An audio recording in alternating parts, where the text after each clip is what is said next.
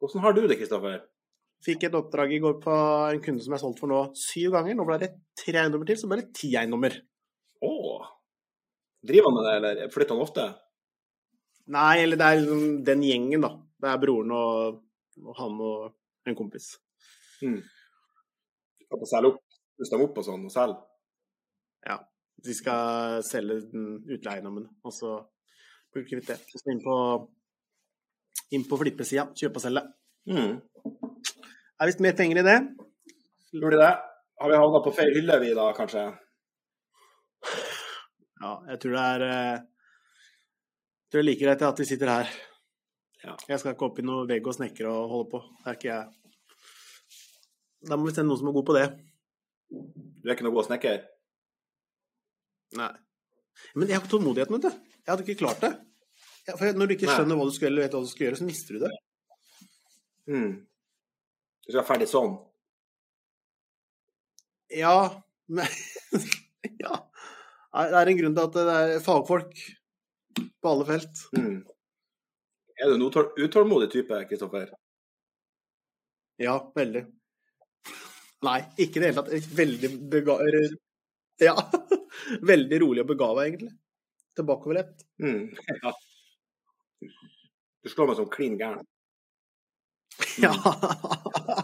Det var ærlig sagt. Da sitter vi sammen i buret, da. Ja. Mm. Jeg er også fryktelig utålmodig. Ja. Jeg vet det.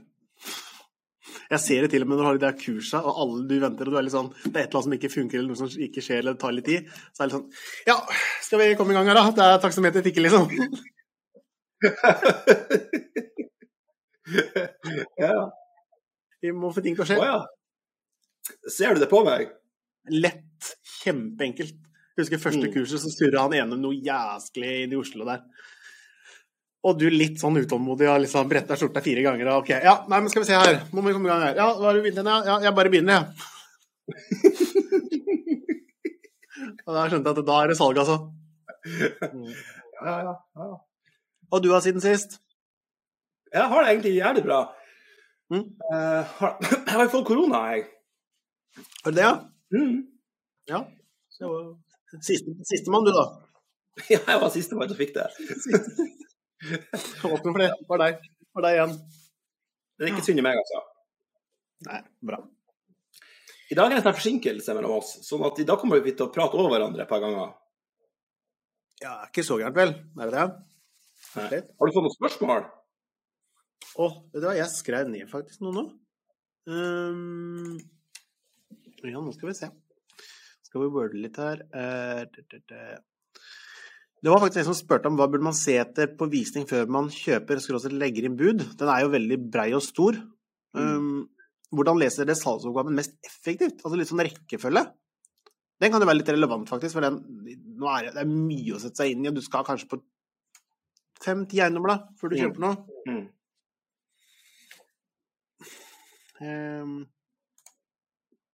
Yo, meg og dama har vært på visning, men tre ganger så har leiligheten blitt solgt før visning. Hva skjer?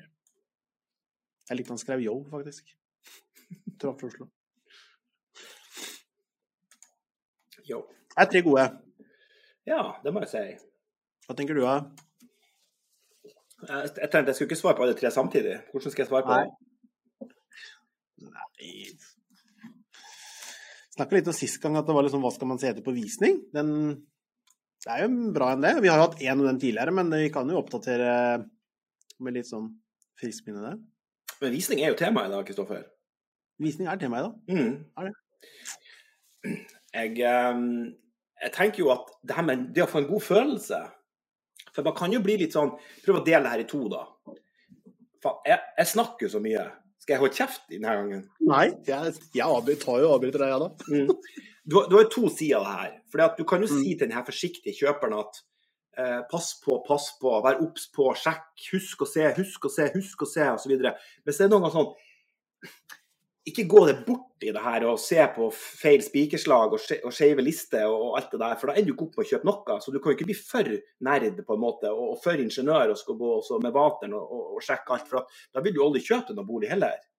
Mm. Så jeg tenker jo at jeg må se det her fra to perspektiver. Det ene er liksom OK, hva skal du se etter? feil og mangler. Mm. Eh, man må ikke huske på det at på visninga så skinner boligen som aldri før. Det er jo sånn en dame når du skal på date, Kristoffer, eller var på date, eller hvordan du løste det når du fikk en dame, så, Mm. så, så viser du deg fra de beste sider. Vi har jo snakka om det her før. Og det er jo, Ja. det er jo noe med å se for seg denne boligen tom. Fri for møbler, fri for stæsj, fri for lys, fri for lukter. Um, når det regner, når det er trist, når det liksom Enn på mandagskveldene og lørdagskveldene er det mye bråk og støy her. Altså, Prøv å Mm. sette deg i det perspektivet at her skal du faktisk bo. Mm. Fordi at vi meglere vi gjør jo alt vi kan for å gi selgerne råd for at boligen skal skinne som vakrest på den flotte dagen når det er visning. Ikke sant? Det det er når du Det er derfor mange selger på sommeren òg, for de tenker at det, det, da ser det best ut uansett. Og plenen er grønn Mm. ja, tar vi bilder når det er sol, ikke sant? og vi, vi fremmer jo på en måte de her kvalitetene. Så, så man, man, må på en måte, hvis jeg skal gi en råd til kjøper, ikke la deg forlede av store, flatte, vakre ord og, og flotte bilder. Gå liksom inn i et eget modus og, og, og kan gå litt sånn kritisk rundt og, og se at er, er det her liksom i, orden? I, orden? Og, så, og så får man også en inntrykk av huset. for det hvis liksom mye er på stell, eh, sånn jevnt over, det er ryddig, det er pent og det ser ordentlig ut, og det lukter godt og det er mye god dokumentasjon på, på oppussing som er gjort, så er det liksom, det er liksom da tenker jeg at ting er litt greit. Eh, Mm. Samtidig så må man jo ikke henge seg for mye opp i sånne små bagateller. Man skal jo gjøre seg kjent med dem. At, at det er noe som at det er hakk i parketten eller at det er sliten benkeplate. Men, men la ikke det være liksom deal-breakeren, som jeg kaller det. men, men det er det jo i alle boliger. Det er jo noe med alle boliger. Mm. Altså, uansett, jeg hadde en visning nå, det var 22 stykker på visning i forgårs. Og det er klart den var jo prisa rimelig siden det kom så mange, tydeligvis. Men halvparten av dem ville jo ikke ha den pga. det var fuktig kjeller og alt sånt. Men, ja, men det er jo med alle hus i gata. Hvert eneste hus ti år fram i tid. Uinnreda kjeller fra 1953. Mm. Da får du fuktig kjeller. Det er ikke noe spesielt med den boligen her. Jeg tror mange tenker at det, å, der, å, der er det noe fukt, og der er det noe og da mangler det ditt eller datt eller sånt noe. Jeg, jeg tror folk bare må se etter Og det savner jeg litt sjøl òg. Kan du bo der?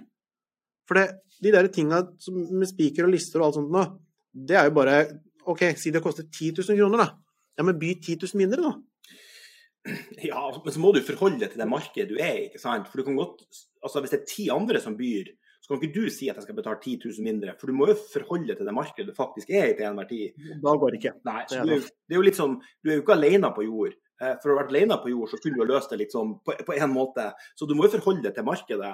Og da kan det ikke være sånn at alle i, i, i det området du bor i, driter i at det er skeive lister, men du skal ha rett til liste og kjøpe deg bolig. Ja, men da snakkes vi i 2044, da, ikke sant? Du har fortsatt ikke kjøpt deg bolig. Eh, Men akkurat det med fukt i kjelleren, da, Kristoffer, så tenker jeg at vi skal jo ikke liksom vi skal jo ikke neglisjere fukta i kjelleren, men kjøperen må vite at det er fukt i kjeller. Og så må han vite hva er konsekvensen av at det er fukt i kjeller, og, og hva man må han gjøre med det, hva kan han gjøre med det, og hva koster å gjøre noe med det. Det tenker jeg er litt sånn essensielt i forhold til med fukt i kjeller. Vi må jo ikke være blinde. Altså, vi, altså, vi kan jo ikke si at ikke bry deg om fukta i kjelleren. Nei. Eh, For det kan du heller ikke si. Du må jo på en måte vite at det er fukt i kjelleren. Og så må du du må jo tenke at det med fukt i kjeller er jo ikke farlig. Eh, nødvendigvis. Det er jo litt sånn, litt sånn turbulens når du er ute og flyr. ikke sant? Det er jo ikke farlig, er bare må ta på deg sikkerhetsselene og, og vite hva du skal gjøre. Så jeg var et veldig dårlig eksempel.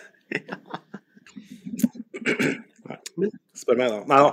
Men poenget mitt er at når du går på visning, så skal du være på en måte Du må være, du må være realistisk kritisk. Ja.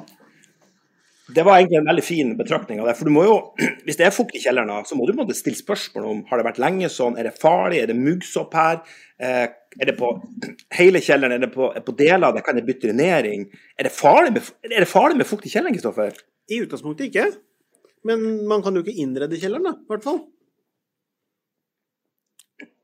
Ja, nei, men problemet er jo hva blir det av fukta? For fukta, hvis det er fukt i kjelleren, så er det jo fukt på innsida.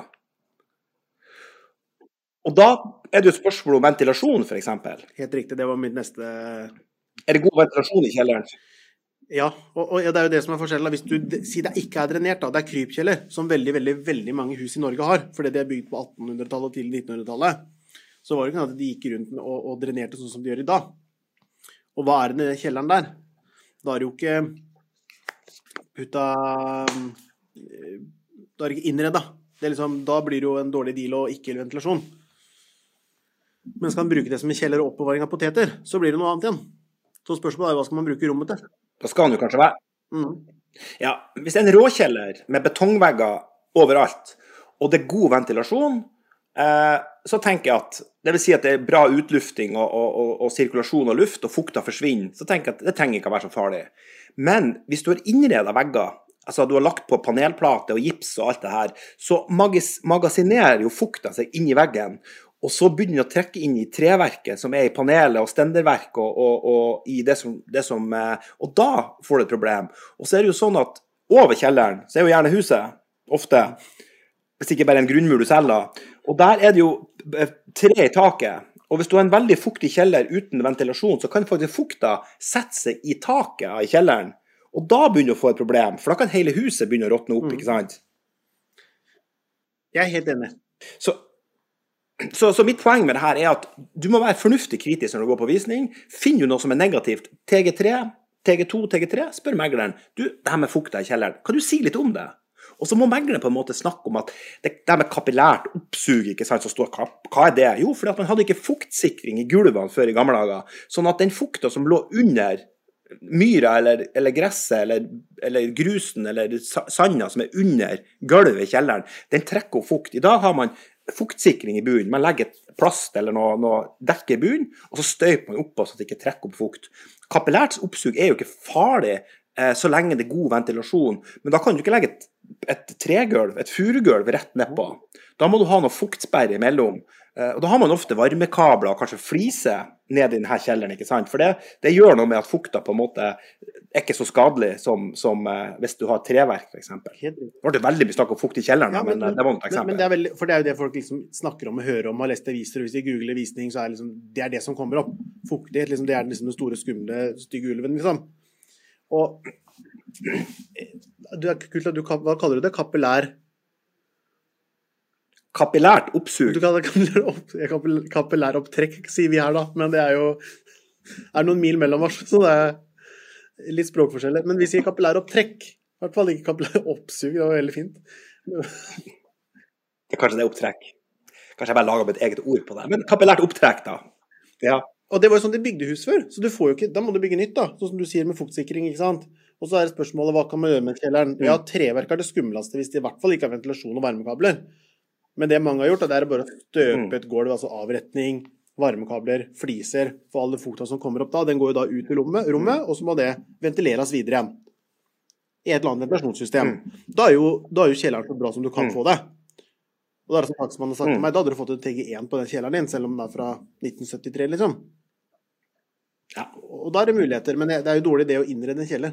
Og det er det som er feil hvis noen kommer på visning, da.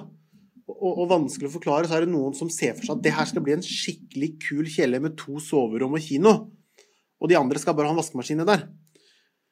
Ikke sant? Så, så man har to forskjellige mål med den kjelleren. Andre skal bruke den sånn som den er i dag, ikke gjøre noe spesielt. Ok, kommer ikke til å skje noe. Er ikke noe farlig. Det er ventilasjon. Det er ikke noe fukt oppi taket. Men noen har liksom litt store drømmer og tenkt at her skal vi bygge ut og leie ut, og her skal det bli svær leilighet, liksom. Mm. Så er det vanskelig å kna den ballen der fram og tilbake, da. Mm. Så der må det være realistisk. Ikke sant? Så kommer det 20 på visning, så er det 20 forskjellige meninger, 20 forskjellige tanker. Og 20 forskjellige med for, for lekke løkter og Ja, de har med seg alt mulig av verktøy. Hele biltemaet. Mm. Mm. Så er den rådføringa der, da. Men det skal ikke være redd for en, en fuktig kjeller hvis du tar antall hus i Norge og, og bruker definisjonen kjeller, betyr jo et fuktig rom. Så er det veldig mye fuktige kjellere. Mm. Det er jo det. Det- Et kjeller er jo ikke lagd som et oppholdsrom i utgangspunktet. Når, når det var tenkt den gangen. Nei da. Nei. Det var ikke noe da. Nei, og det står jo ofte ja, og det står jo ofte at det er en risikokonstruksjon, ikke sant? for der kan du på en måte få uh, fukt Men det er klart at en risikokonstruksjon betyr jo ikke noe annet enn at det er, at man må være litt obs og må gjøre en del tiltak. Um, og det går jo på fuktsikring og sånne ting som du ja, som vi snakker om her nå. Men hva annet burde en se på, på visning, da? da? De som lurer på det og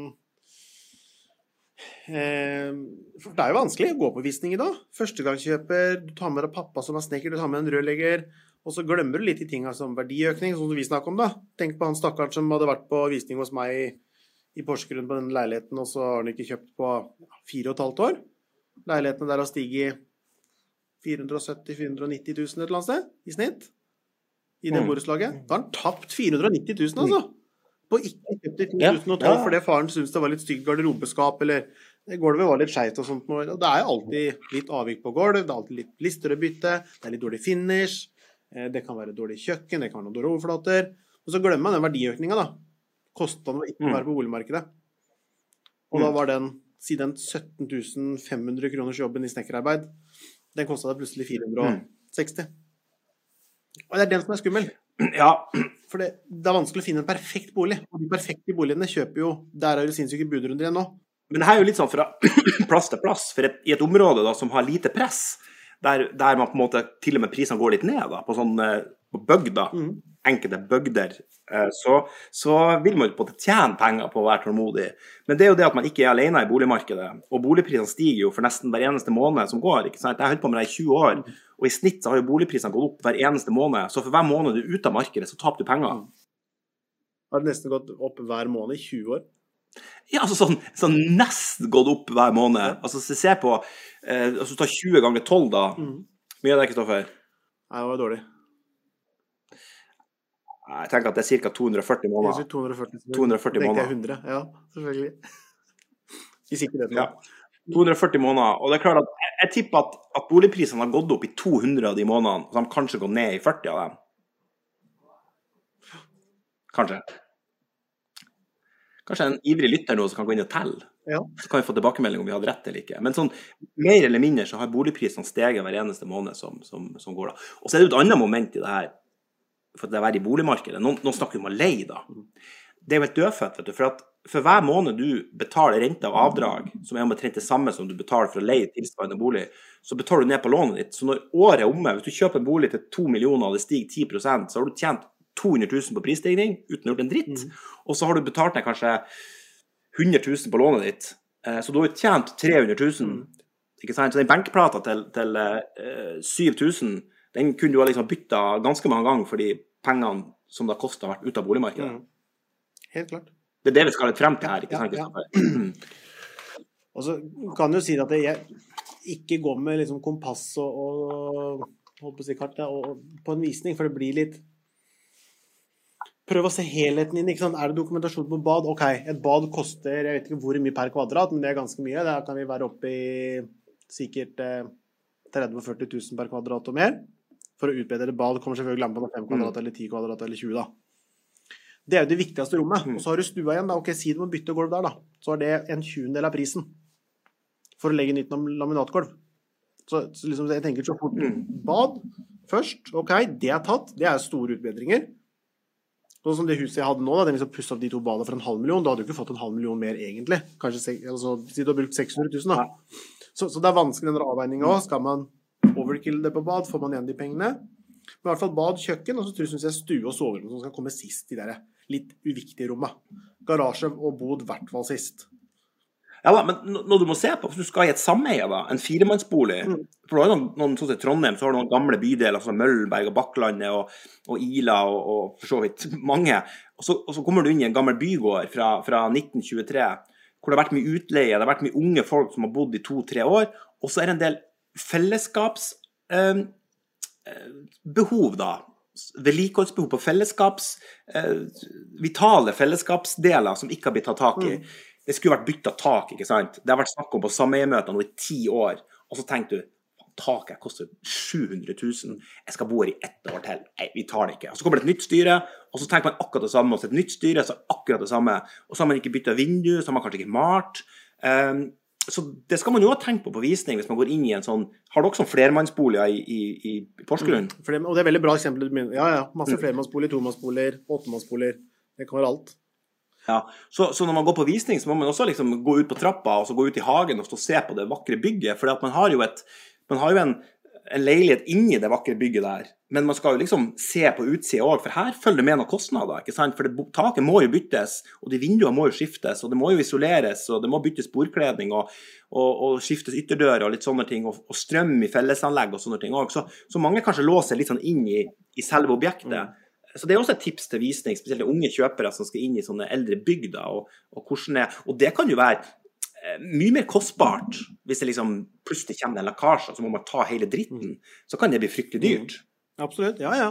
Men, men det kan det bli òg. Og Det du sier nå med sameier, den er jo liksom de der sidespora, da. Sameier, borettslag. Borettslag så er det som regel et styre, du må bo der sjøl, litt mer ryddig forhold. Sameie, der kan det være litt mer ymse. Eh, vanskelig å få gjennom. Altså den tankegangen som du sa nå, da. Vente, vente, vente, vente. vente. Ok, så er det bare å selge, og så er det problemet nestemann sitt igjen. Så da skal man være litt obs. Det blir noe annet enn enebolig igjen. Og så kan det være en megler som står der så sier han, jeg taket da, så sier han det er jo sameiets ansvar. Ja, men det er fire leiligheter her, det er 25 mitt ansvar, ikke sant? Jeg, jeg er jo en del av sameiet, så det er jo et borettslag. Det er borettslagets ansvar. Ja, men det er åtte leiligheter her. Jeg er jo en åttendel av det, så det er jo mitt ansvar. Så du må jo betale den regninga til syvende og sist. Og det er ikke mange vet. Jeg vet ikke om du vet, Kristoffer. Eh, men eh, jeg husker jeg solgte en leilighet i, eh, i Kleits gate her i, i, i, i, i Trondheim for mange, mange år tilbake. Og så husker jeg at kjøperen satt på kontraktsmøte, så sier de at skal vi ha boligkjøperforsikring? Og så sier selgerne nei, du trenger jo ikke det, sier han, for at hele leiligheten er pussa opp, og, og håndverket er så god stand. Hvorfor skal du ha det? Og så hadde jeg noen sånn, noen sånn argumentasjoner på hvorfor det er fint å ha boligkjøperforsikring da.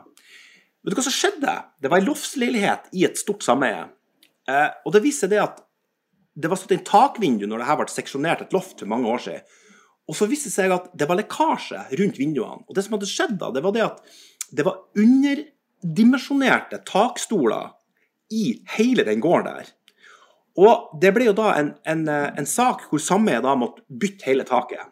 Kjøperen ringte meg, og så sier jeg til henne Men du, kanskje kan det være at du kan få noe igjen av eierskifteforsikringa, for din andel av det her ligger i det sånn skjulte feil og mangler. Og det er jo urettferdig at du nå skal betale 250 000 andel av det her taket når du har kjøpt en leilighet som tilsynelatende var i orden. Ja, godt poeng. Hun ringte boligkjøpforsikringa, kjørte sak mot eierskifteforsikringa. Hun fikk jaggu meg igjen den andelen som hun da skulle inn med i det her fellesskapet i reklamasjonen. Veldig riktig. Veldig bra. Og det er det som er vanskelig når noen tar en forsikring, da, for å bare si det òg. Ok, ja, men den er så fint, det er så nytt, det er så få. Ok, greit. Bare, jeg husker bare fra skolen, jeg husker fra eksempler, fra dommer, alt sammen. Det er så mange ting du ikke tenker på eller vet om, eller som kommer opp situasjoner som er unike, at hjelper meg. Mm. Jeg tror faktisk jeg er ikke tull, altså. Men Jeg tror kanskje Jeg vet om fem bekjente, fem, kanskje seks, det ene er et par, da, som i etterkant har liksom spurt burde vi tegne forsikring når de kjøper, for de har kjøpt eller annen. Ja, bare kjøp. Det, det må dere ha, liksom. Dere må ha den forsikringa. Ja, men det er så billig, og det er så safety mm. borettslag. Ja, men det er derfor den koster 4002, ikke 29008. Ikke sant? Pris og mm. kvalitet står i stil. Um, mm. Og så har det hendt at de har fått tilbake Jeg husker en fikk tilbake 17 000. En annen kompis har fått tilbake over 2 millioner på, et, eh, på en firemannsbolig. Nei, altså jeg kjøpte meg Jeg bor i et hus her nå. Og så bodde jeg i et hus her nede sånn midlertidig etter at jeg skilte meg da sist. Og da det var et nytt, flott hus, og liksom, hva kan gå gærent her? Og så kom det et spørsmål. Det var litt sånn jeg, jeg, jeg, jo, jeg, kjenner jo regelverket ganske godt. Og så tenkte jeg sånn, jeg kjekk meg om og så på alt. på hvor gærent kan det her faktisk gå, da? ikke sant? Så var det sånn spørsmål om boligkjøperforsikring. Så sier jo jeg til alle kundene at jeg vil jo anbefale å kare det fordi at altså, Nei, jeg driter i det, ikke sant? Så krysser jeg nei på det. Og så parkerer jeg bil. Ja, du gjorde det? Du kryssa nei? Ja, jeg gjorde det av en eller annen grunn. Uh, for det var en enebolig, så det var jo kosta noen tusenlapper. Men her kommer, her kommer greia, da. Og så parkerte jeg bilen ute i gårdsplassen ved sida der, og så kommer det plutselig en nabo. 'Du kan ikke parkere bilen der.' Og så sier jeg 'Hvorfor ikke?' Ja, for I reguleringsplanen så står det at det er kun én bil. Det er sånn miljøhus, vet du. Så du kan kun ha én bil per boenhet. Mens i salgsoppgaven så sto det tre biloppstillingsplasser. Oi. Og så viste det at jeg kunne ikke parkere bilen hvor megler og selger hadde solgt inn da at det her var en biloppstillingsplass. Mm. Og så måtte jeg vise dem salgsoppgaven. Sånn, ja, men så gikk han tilbake og viste Det var sånn, sånn hus med sånn miljøgate, og så var det sånn reguleringsplan hvor folk ikke skulle ha biler. da, Man skulle ta bussen og sånt. Sånn er det blitt liksom, i det moderne norske samfunnet i byer. og sånt. Hva du synes hva man vil om det. Skal ikke, skal ikke, skal ikke hive noe skal ikke ta stilling til det heller, for det er en fin tanke, men en upraktisk tanke ja. for oss som har bil. Uh, og jeg hadde jo leid ut til en òg, så han måtte jo ha en parkeringsplass, og jeg måtte ha en parkeringsplass, og så har jo gjester og sånt. Og så tenkte jeg da må jeg jaggu reklamere på det her. Ikke sant? For han hadde jo solgt meg inn en enebolig med tre parkeringsplasser, og så fikk jeg bare bruke en av dem. Eh, og da måtte jeg gjøre det her sjøl, da. Så jeg måtte sjøl sitte og forfatte reklamasjoner eh, mot eh, eierskytterforsikringa. Var såpass, ja? Så kjedelig. Åssen gikk det her? Det gikk veldig bra. Jeg fikk tilbake 150 000 i erstatning eh, for det. Ja, ja, ja, men poenget var jo at da måtte jeg gjøre det her sjøl, med den risikoen det var. ikke Mm. sant? Eh, og en privatperson som ikke er megler eller advokat, han begynner å tenke seg hvordan skal jeg gjøre det her, hvordan skal jeg formulere det, kanskje må du gå til en advokat, og så får du det ikke gjennom. Så boligkjøperforsikring er jo kjempesmart, syns Jeg helt enig. Ja. Det er det. Det er ikke tegn uten. Men um, skal vi se, det andre spørsmålet. Nå snakker vi, vi spurte jo veldig av fra visninga, men det er jo greit nok. Um, hvordan lese salgsoppgaver mest effektivt? Skal vi prøve på denne? Mm. Da kan du prøve. Skal jeg prøve, da? Ok, nå kan vi, se, nå vi teste hverandre, da. Ok. Én, det viktigste før jeg leser statsoppgaven, og det er å finne ut om jeg vil bo der, da, men det er mer visningstips. Jeg hadde begynt på ferdigattest og midlertidig brukstillatelse. Sett om det er originale tegninger. Ehm, så ville jeg sjekka om det er eh, noen type forkjøpsrett eller servitutter. De to. Forkjøpsrett er jo borettslag, servitutter kan det være på en eiendom. Og det kan være alt fra bruksrett, veirett, seksjonering, ja, alle typer. Så tror jeg jeg ville sjekka Hvis jeg sitter og leser salgsoppgaven, så vil jeg kanskje gå til tilstandsrapporten. Vei og vann og avløp, at det er offentlig, det er det nesten alltid, så det er ikke sånn Det tar ikke lang tid å sjekke. Litt faste kostnader. Ehm, strøm ja. Om det var som inkludert i husleia. Så vil jeg hoppe litt over den energimerkinga. Den syns jeg er kjempedårlig og sier lite. Så den det er sånn Jeg skal ikke si driter i den, men det er, ja, det hadde hoppa over den. Sier jo ingenting, egentlig. Ikke mye, da. For, for noen. Og drit i den. Vi driter i den. Mm. Og så vil jeg absolutt sjekke i selgers egenerklæringsskjema. Og for de som ikke vet hva det er, det er det, er det skjemaet der selgeren opplyser om alt det de vet om eiendommen. Så opplyser om noe feil, sier noe feil, det er et eller annet, om det er holdt tilbake opplysninger, eller om det er manglende opplysninger, så er det ditt man går og sjekker. Så tilstandsrapport, egenerklæringsskjema, og så begynte de to. Skal jeg gjøre det litt enklere? Skal jeg gjøre det litt enklere. Nå er det sånn at En salgsoppgave består egentlig av to deler. Det ene er den, den omslaget, de her, øh, de her meglersidene som står først. liksom Standard, beliggenhet, eh, som du snakker om, eh, tinglyste forhold, kostnader osv. Og så har du alle vedleggene, ikke sant? med reguleringsplaner, med takstrapport, med, med, med egenerklæringsskjema og alt det her.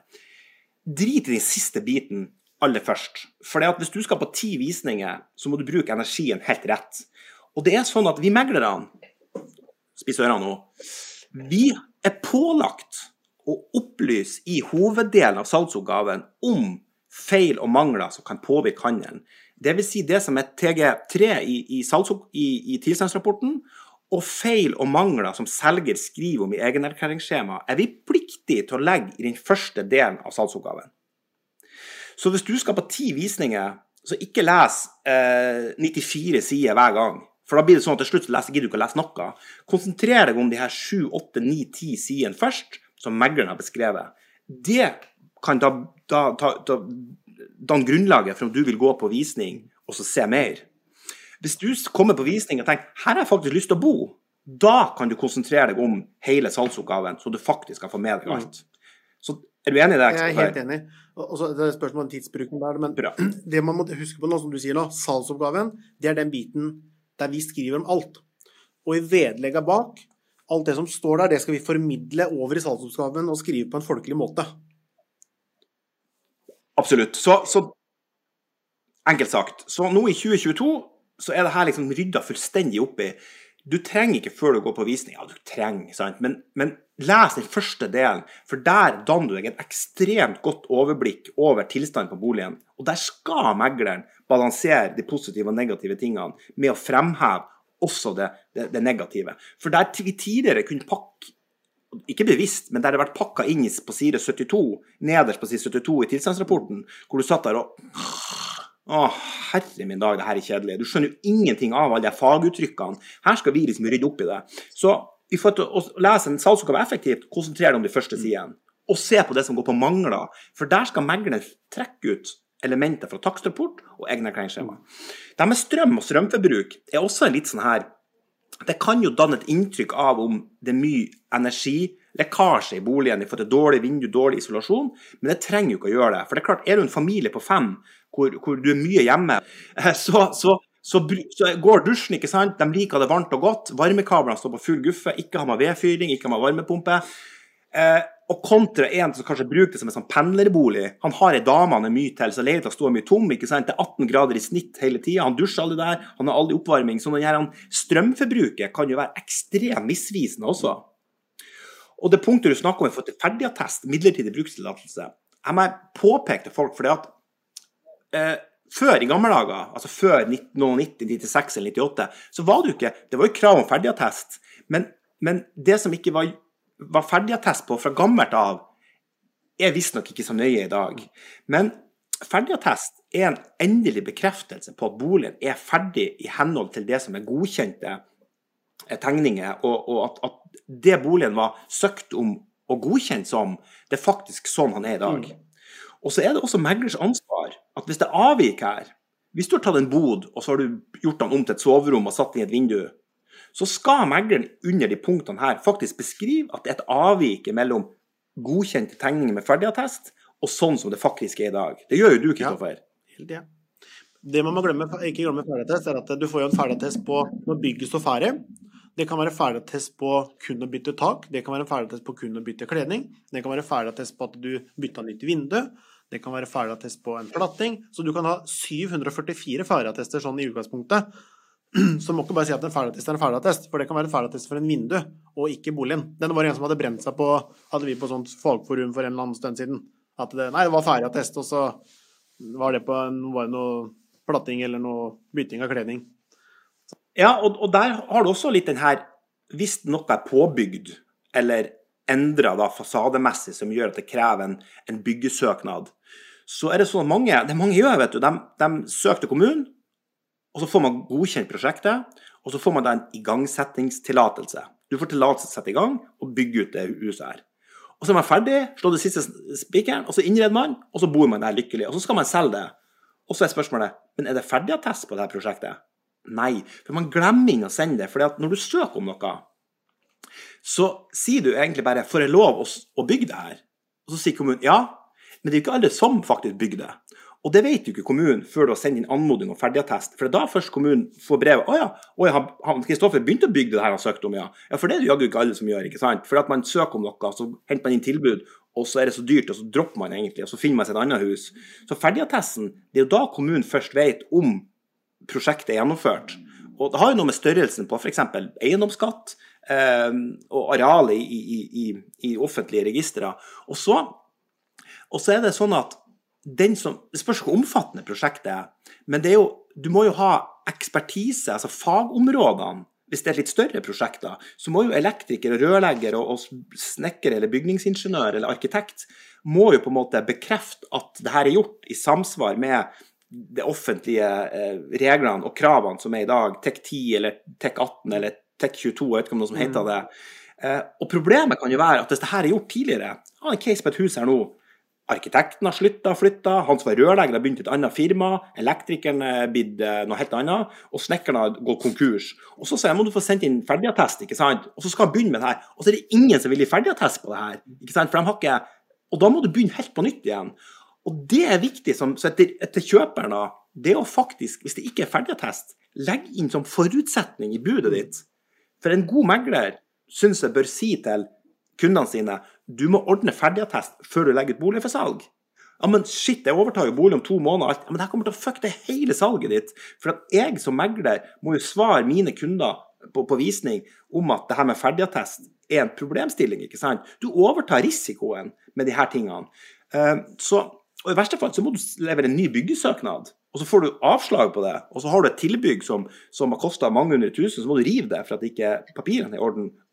Så, så boligselgerne bør jo ordne det her. Så hvis det sitter noen og hører på nå som har tenkt at shit, jeg satte opp en garasje, jeg har ikke ferdigattest på den. Fiks det nå. Få ferdigattesten på plass. Og det er jo der, det, det er der mange går i bar òg. Jeg vet ikke om de ikke vet eller om man tenker over, glemmer det eller bare gidder ikke.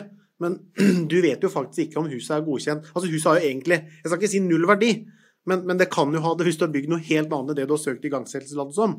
Så du kan jo søke igangsettelsestillatelse om et, et toetasjes kult jugendstilhus eh, eller vanlig tømmerkledning, og så er det bygd en funkis. Da hjelper det ikke å si at det, til kommunen det var ikke bygd det du søkte om. Du bygde 116 kvadratmeter mer, og garasjen er feil vei, og du har bygd med basseng, og du har søkt om en liten gressplen. Da er, det, da er ikke den verdien der lenger, for da er det ikke lovlig. Og det må vi skrive om. Nei, og det kan jo, sk- det kan jo skje. Mm. Folk skal bygge på en liten del, ikke sant, og så er det en bod når man begynner å tegne det, og så finner vi ut nei, men jeg skal ordne et soverom der istedenfor, og så ordner jeg litt større vindu, og så når man først på nei, vi lager litt større, ikke sant, og så litt høyere, og så litt bredere. Og plutselig så har du bygd noe annet enn du har søkt om, og det vil jo ikke bli godkjent, for da må du sende en søknad på nytt, og da blir det en ny, en ny papirmølle i kommunen. Det gjør det. Eh, bra. Det er bra, det er bra tema. Altså, at det her er Det er kjedelig, men det er viktig.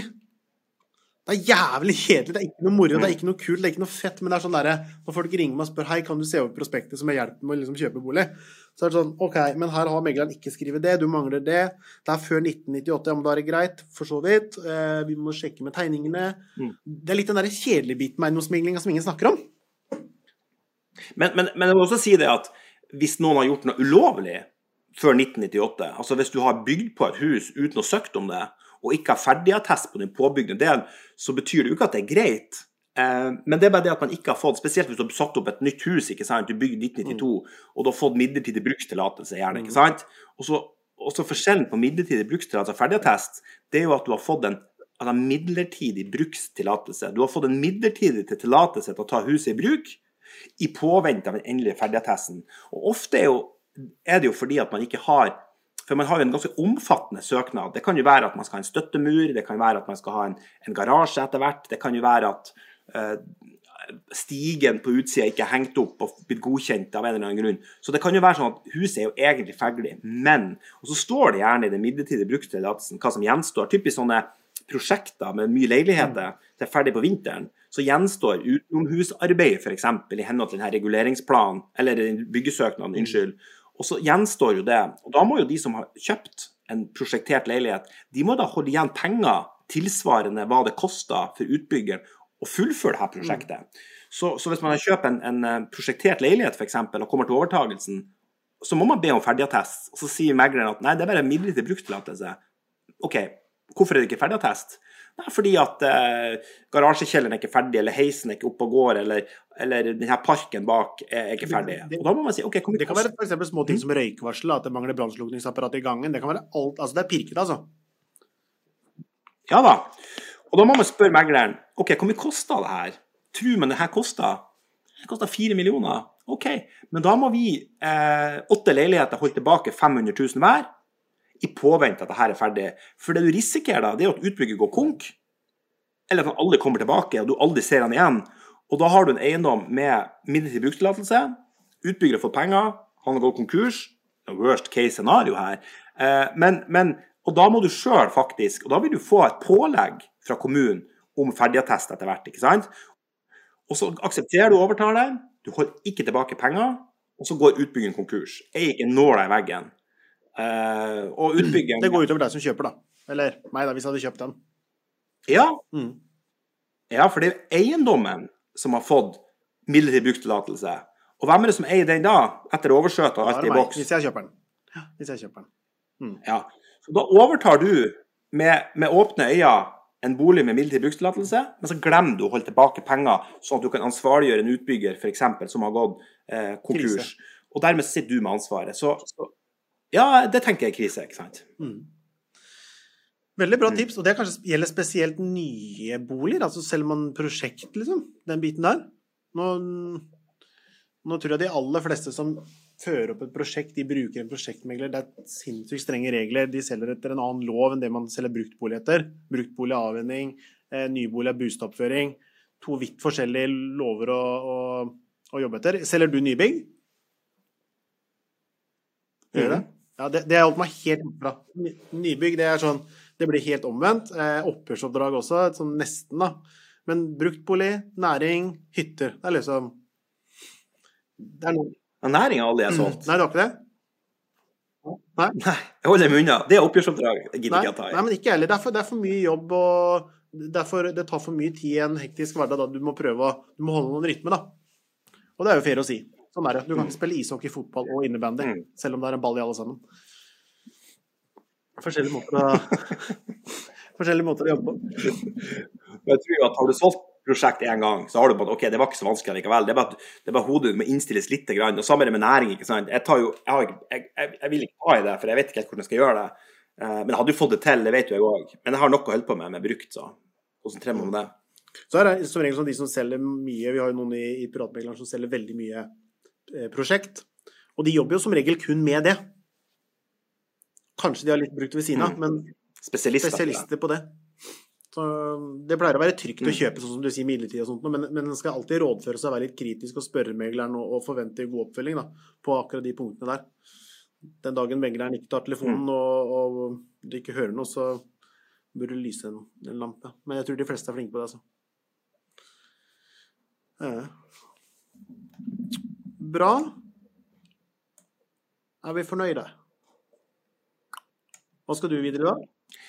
Nei, da så skal jeg, jeg skal gjøre, jeg skal gjøre ferdig et tilbud etterpå. Jeg har noen sjekklister som jeg må gjøre for å utlegge sånne boliger. Jeg skal sende over noen salgsoppgaver her, og så skal jeg faktisk dra på trening. Jeg har jo hatt, hatt, covid nå i, i altfor lang tid. Jeg har bare hosta harka. Men i dag skal jeg dra trene. Ennå de sier du må ikke trene når du går og hoster. Jeg må faktisk. Kroppen min trenger det. Men, men altså, det her med visning, da.